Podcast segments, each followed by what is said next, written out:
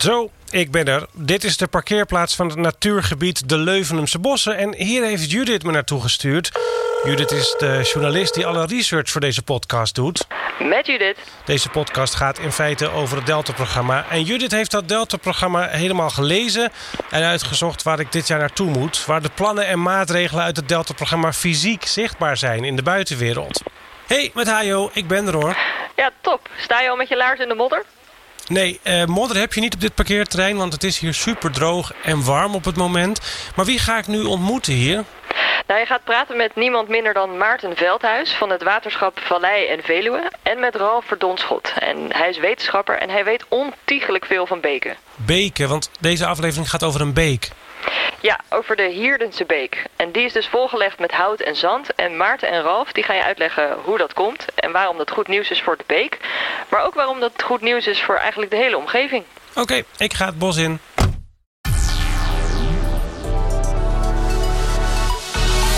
Over water en klimaat, de toekomst van onze delta.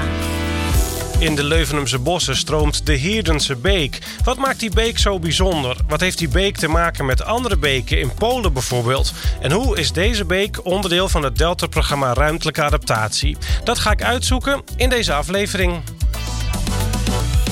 Wat doen we in Nederland om te zorgen dat we droge voeten houden? Hoe zorgen we voor voldoende water in droge tijden? Is Nederland voorbereid op een veranderend klimaat? Daarover praten we in Over Water en Klimaat, de podcast van het Delta-programma.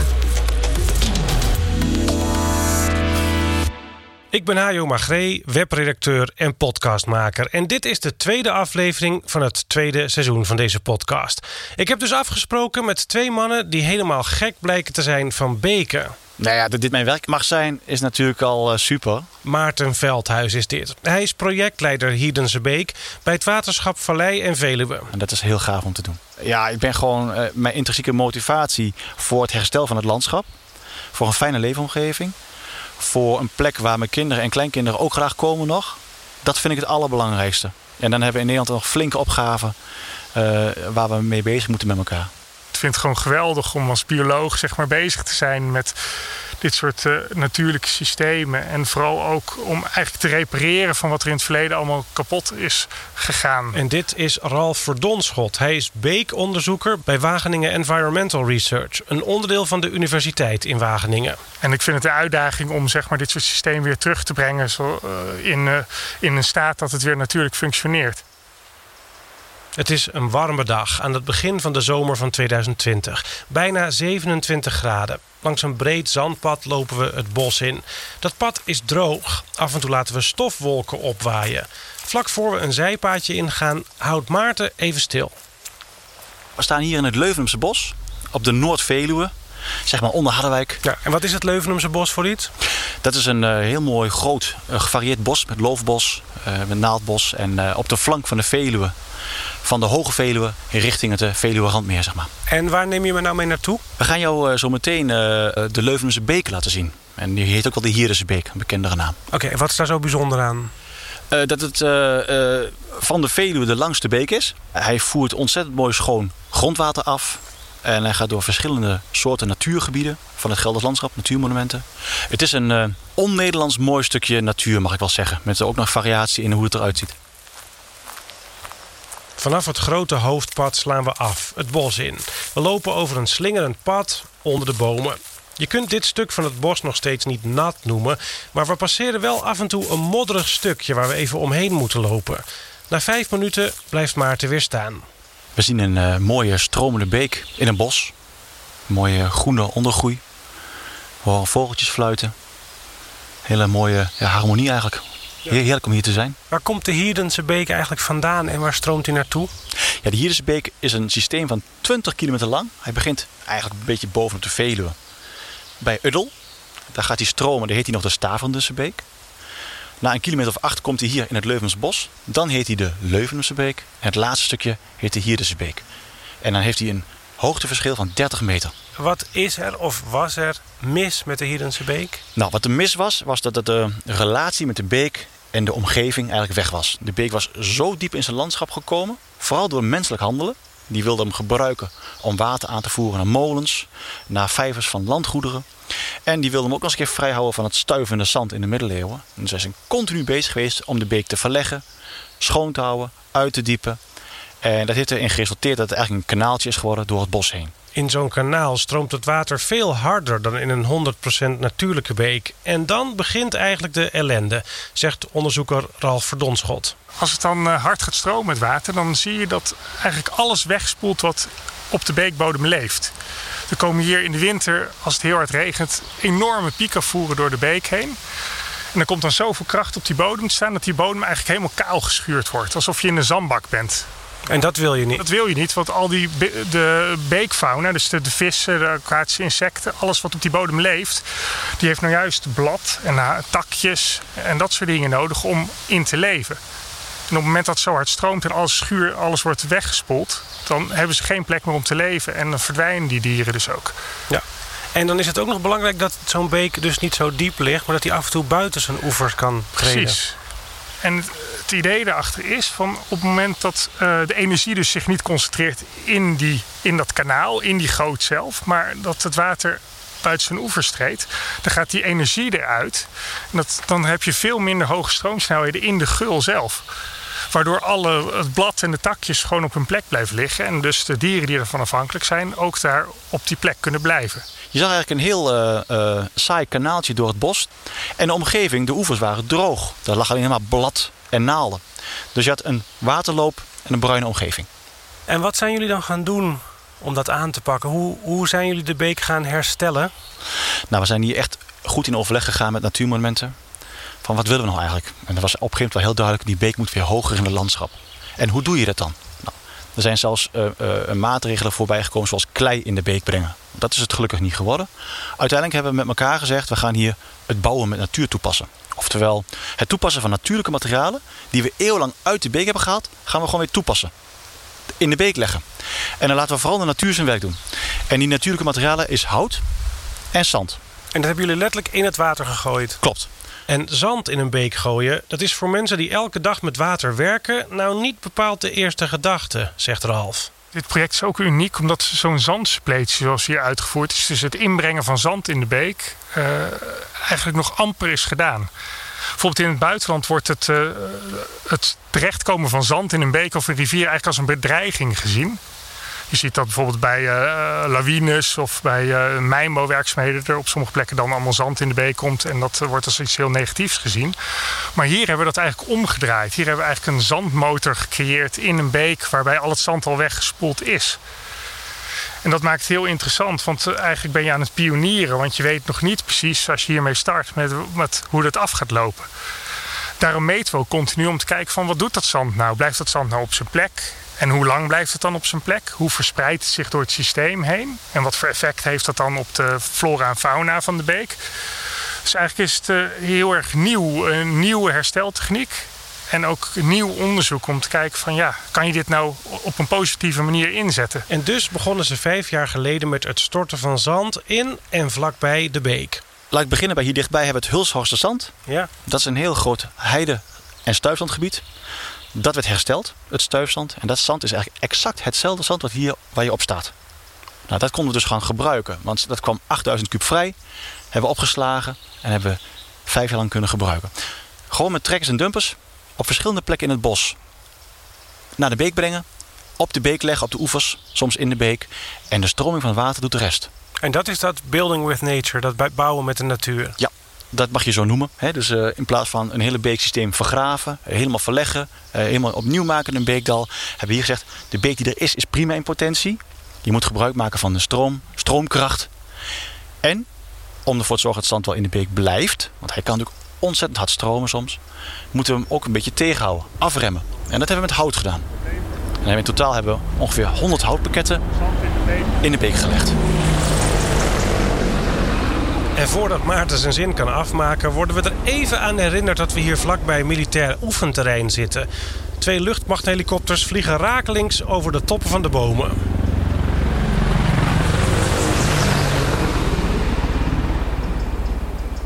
We hadden het over het zand uh, gehad. Je wilde gaan vertellen over de 100 houtpakketten, geloof ik. Ja, ongeveer 100 houtpakketten uh, om en erbij. Hè. Uh, en die hebben we hierheen gebracht. Het hout komt uit het bos. Dat is met een trekpaard naar de beek gebracht. Marco heet het paard. En uh, we wilden ook niet met de grote machines door het bos heen gaan. En die houtpakketten zijn verwerkt. A, om meer variatie te creëren in het beeksysteem. Maar ook om een soort stuwend element te zijn. Om de beekdynamiek, oftewel als er water komt en de beek gaat laten stromen, hem iets af te remmen. Zou je dat niet doen, dan zal je al het zand wat je erin legt te snel kwijt zijn en ligt het in het Veluwe randmeer. Terwijl je het in de beek wil houden. Maar je wilt de beek uiteindelijk omhoog krijgen. En je wilt ervoor zorgen dat die beek het systeem zelf gaat versterken, maar ook hoog houdt. Zodra we hier vlak bij de beek aankwamen, hoorde ik Maarten zeggen: Oh ja, deze is ook al mooi dood. Hij blijkt het over de bomen vlak bij de beek te hebben. Die zijn dood, ja. En dat die bomen dood zijn, dat komt ook door wat jullie hier zijn gaan doen? Of is dat toeval? Nee, dat is geen toeval. De meeste dode bomen die je hier ziet, komt inderdaad door wat we hier gedaan hebben. De bossen stromen onder water regelmatig. Nou, en die bomen die hier staan, die zijn helemaal niet gewend. Want die staan hier al een aantal honderden jaren heel droog. Hebben de wortels, zijn gewend aan droogte. Ja, die stonden in één keer met hun voetjes in de nattigheid. Kunnen ze niet tegen. Dus wat zie je hier? Je ziet heel veel sparren en dennen die doodgaan en omvallen. Maar ook hele dikke beuken die aan de beek staan, die nu uh, afsterven. En dat was niet erg, dat die bomen doodgaan? Nee, dat vinden we niet erg. Want we hadden hier honderden jaren een systeem gemaakt door de mens. En wij wilden die weer heel natuurlijk maken samen met Natuurmonumenten en ook de Universiteit van Wageningen. Samen met Ralf Verdonschot dus van die universiteit. En het is hier een stuk natuurlijker geworden, zegt Ralf. Ja, je kan exact zien uh, hoe hoog het water in de winter staat. Want dat is allemaal groen. Dat is helemaal begroeid met moerasvegetatie. En op het moment dat je dus uh, op de overgang komt van waar het water niet meer komt, dan zie je dat er daar gewoon droog bos is waar je alleen maar dorre bladeren ziet op dit moment. En, en moerasvegetatie, uh, ik als leek zie dan uh, gras en varens en help me. Ja, ik zie hier tientallen plantensoorten staan. Je ziet hier moeraswalstroop bijvoorbeeld, uh, kleine watereppen, blauw glitkruid, moerasvergeetmenietje. Zo kan ik nog wel even doorgaan. En er vliegt ook uh, van alles. Net terwijl ik jou sta te interviewen, gaat er een, denk een tor op mijn hand zitten. Zag je dat of niet? Ja, ja. Het wemelt van de insecten hier rondom de beek. Je ziet een heleboel weidebeekjuffers vliegen. Wat uh, heel leuk is, want die soort die was hier nog niet voordat we aan dit project uh, begonnen. Dus die is er echt teruggekeerd door de ingrepen die hier gedaan zijn. Verder als je in het water kijkt zie je een heleboel kookjuffers. Schrijvertjes zie je op het water. Dat is een speciale beeksoort. Je ziet, je ziet het water stromen. Je gaat van links naar rechts, gaat onder takjes door, gaat door de vegetatie heen. Je ziet ook een heel groen bos. En daar heb ik het eigenlijk nog niet eens over gehad. Want als het water hier het bos instroomt, dan blijft het daar ook in het bos. En mag het naar de ondergrond zakken en vult het de grote Veluwe grondwatervoorraad aan. De helft van het water verlaat hier het bos maar, wat erin komt. Voorheen ging het met een grote nooddrang eigenlijk door het bos en vliet het daar en kwam het in het Veluwe randmeer uit. En dan werd het hier dus heel droog? Het bleef hier droog en het water wat viel was ook veel te snel uit het gebied weg. Het wordt eigenlijk nauwelijks vastgehouden. Nou, en nu wordt wel meer dan de helft van het water gemiddeld genomen vastgehouden. En mag ook weer het grondwater aanvullen.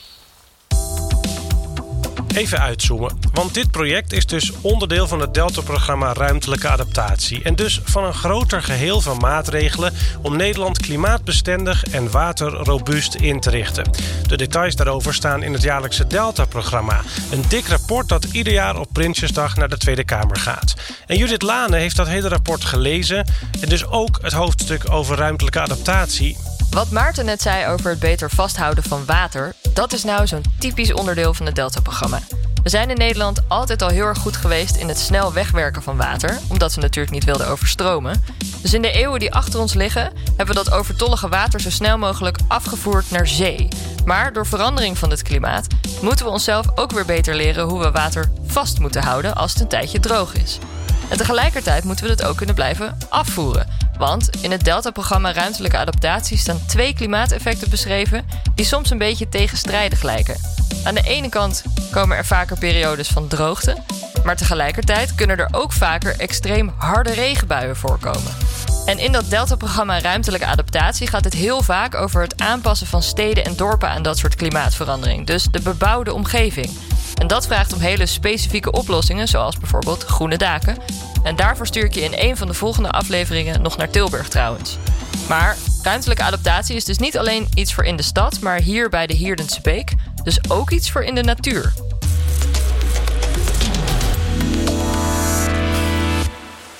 Wetenschapper Ralf Verdonschot houdt dat allemaal goed in de gaten en hij ziet dat het echt werkt. Je ziet uh, op veel plekken dat de grondwaterstanden ook flink omhoog zijn gekomen. Je ziet nu zelfs in het bos her en der plekken waar het water in de winter omhoog komt. Waar het boven het maaiveld staat. Dus eigenlijk het hele gebied wordt langzaam maar zeker vernat door deze maatregelen.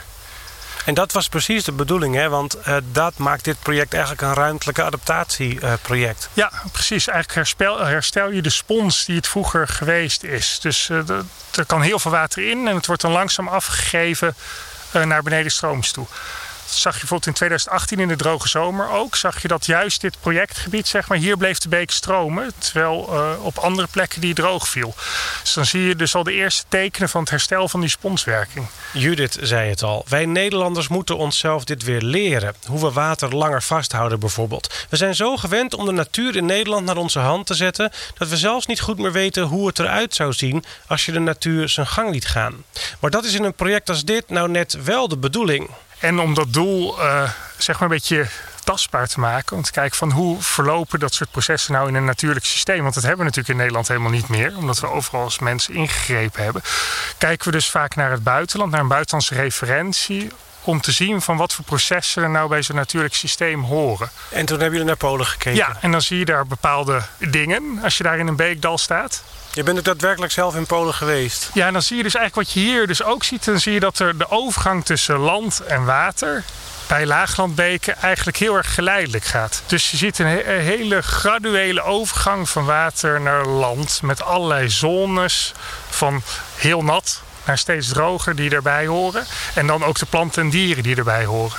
En hoe kom je dan op het idee om in Polen te gaan kijken? Je had, je had ook uh, Zuid-Amerika kunnen nemen. Of waarom is Polen dan logisch? Ja, omdat daar dat uh, valt uh, binnen dezelfde biogeografische regio, zoals dat in de biologie heet. Van eigenlijk de, de organismen die daar voorkomen, die komen hier ook voor, zijn hier in het, of kwamen hier in het verleden ook voor. Dus we gebruiken dat soort beelden dus als een referentie voor wat we hier willen herstellen. Dus in Polen kan je eigenlijk een stapje terug in de tijd? Ja, al zie je daar nu ook dat daar wat hier in Nederland is gebeurd, daar ook gebeurt. Dus eigenlijk moet je steeds verder naar het oosten toe, wil je nog intacte beeksystemen vinden. En dan zegt Ralf dat hij me nog iets wil laten zien. We lopen een stukje terug naar een soort grasveld met hoog opgeschoten gras. Maar dat grasveld heet voor een bioloog een moeras, leert Ralf mij. En mij valt het eerst niet op, maar als je twee keer kijkt... zie je op regelmatige afstand paaltjes in het moeras staan. We lopen erin, omdat het hoogzomer is, is het moeras nogal droog. We zakken er niet in weg. Ja, we staan hier midden in het moeras, midden in het beekmoeras. En je ziet overal langs de beek zie je paaltjes staan. En die paaltjes, dat, die zijn eh, deel van onze onderzoeksopstelling. Wat we doen is eh, op die plekken meten van hoe de beekbodem reageert op de maatregelen die hier zijn uitgevoerd. Dus we kijken van uh, waar komt er nou zand bij en waar gaat de zand af? Wat doet de vegetatie op die plekken? En dat meet je precies op de plekken waar die paaltjes staan. Ja. Zodat je steeds exact dezelfde meetlocatie hebt. Exact, ja. Dat doen we al een jaar of uh, zes inmiddels. Dus we kunnen zo heel goed volgen van wat de beek nou doet. En heb je dan onlangs nog naar de resultaten zitten kijken? Ja, ja zeker. En wat, wat je ziet is dat de beekbodem steeds verder omhoog komt hier. En uh, het gevolg ervan is dat, er, dat er steeds meer grond onder water komt te staan. Op dit moment staat er 80 hectare onder water in de winter. Als het... Wacht even, de bodem komt omhoog, maar dan wordt het toch juist droger, want dan kom je boven de grondwater. Ja, maar de hoeveelheid water neemt niet af. Dus dat water dat gaat uit het bakje, uit de, uit de beekloop. Ja. En dat komt in deze overstromingsvlakte, in deze moerasvlakte terecht. Maar als je dan goed kijkt tussen de moerasvegetatie, hier zie je overal kleine zeilingen opkomen. En dat zijn, is juist van boomsoorten die onder moerassige omstandigheden groeien. En mag, mag het hier dan dicht groeien straks? Ja, dat mag. Ja, dat, uh, dat hoort ook eigenlijk bij zo'n systeem. Want voor de beek zelf is het beter op het moment dat het beschaduwd is. Zeker met dit warme weer uh, zie je dat die beschaduwing van de bomen ervoor zorgt dat het water veel koeler blijft. En veel dieren die in beken leven, hebben dat, nou juist dat koude water nodig om te kunnen overleven. Die kunnen niet goed tegen hoge temperaturen. Ja, dus, dus als je... wat meer blad en wat meer bomen zorgt voor wat meer schaduw ja. en een beter beekleven. Exact. Plus dat de bladeren van de bomen op, op het moment dat die in de herfst eraf vallen, uh, als voedsel dienen voor de dieren die in de beek leven. En ook de takken die in de beek vallen, die zorgen weer voor dat er dood hout in de beek komt. Dus eigenlijk een beek is helemaal verbonden met de bomen die er langs staan eigenlijk. Een natuurlijk beeksysteem.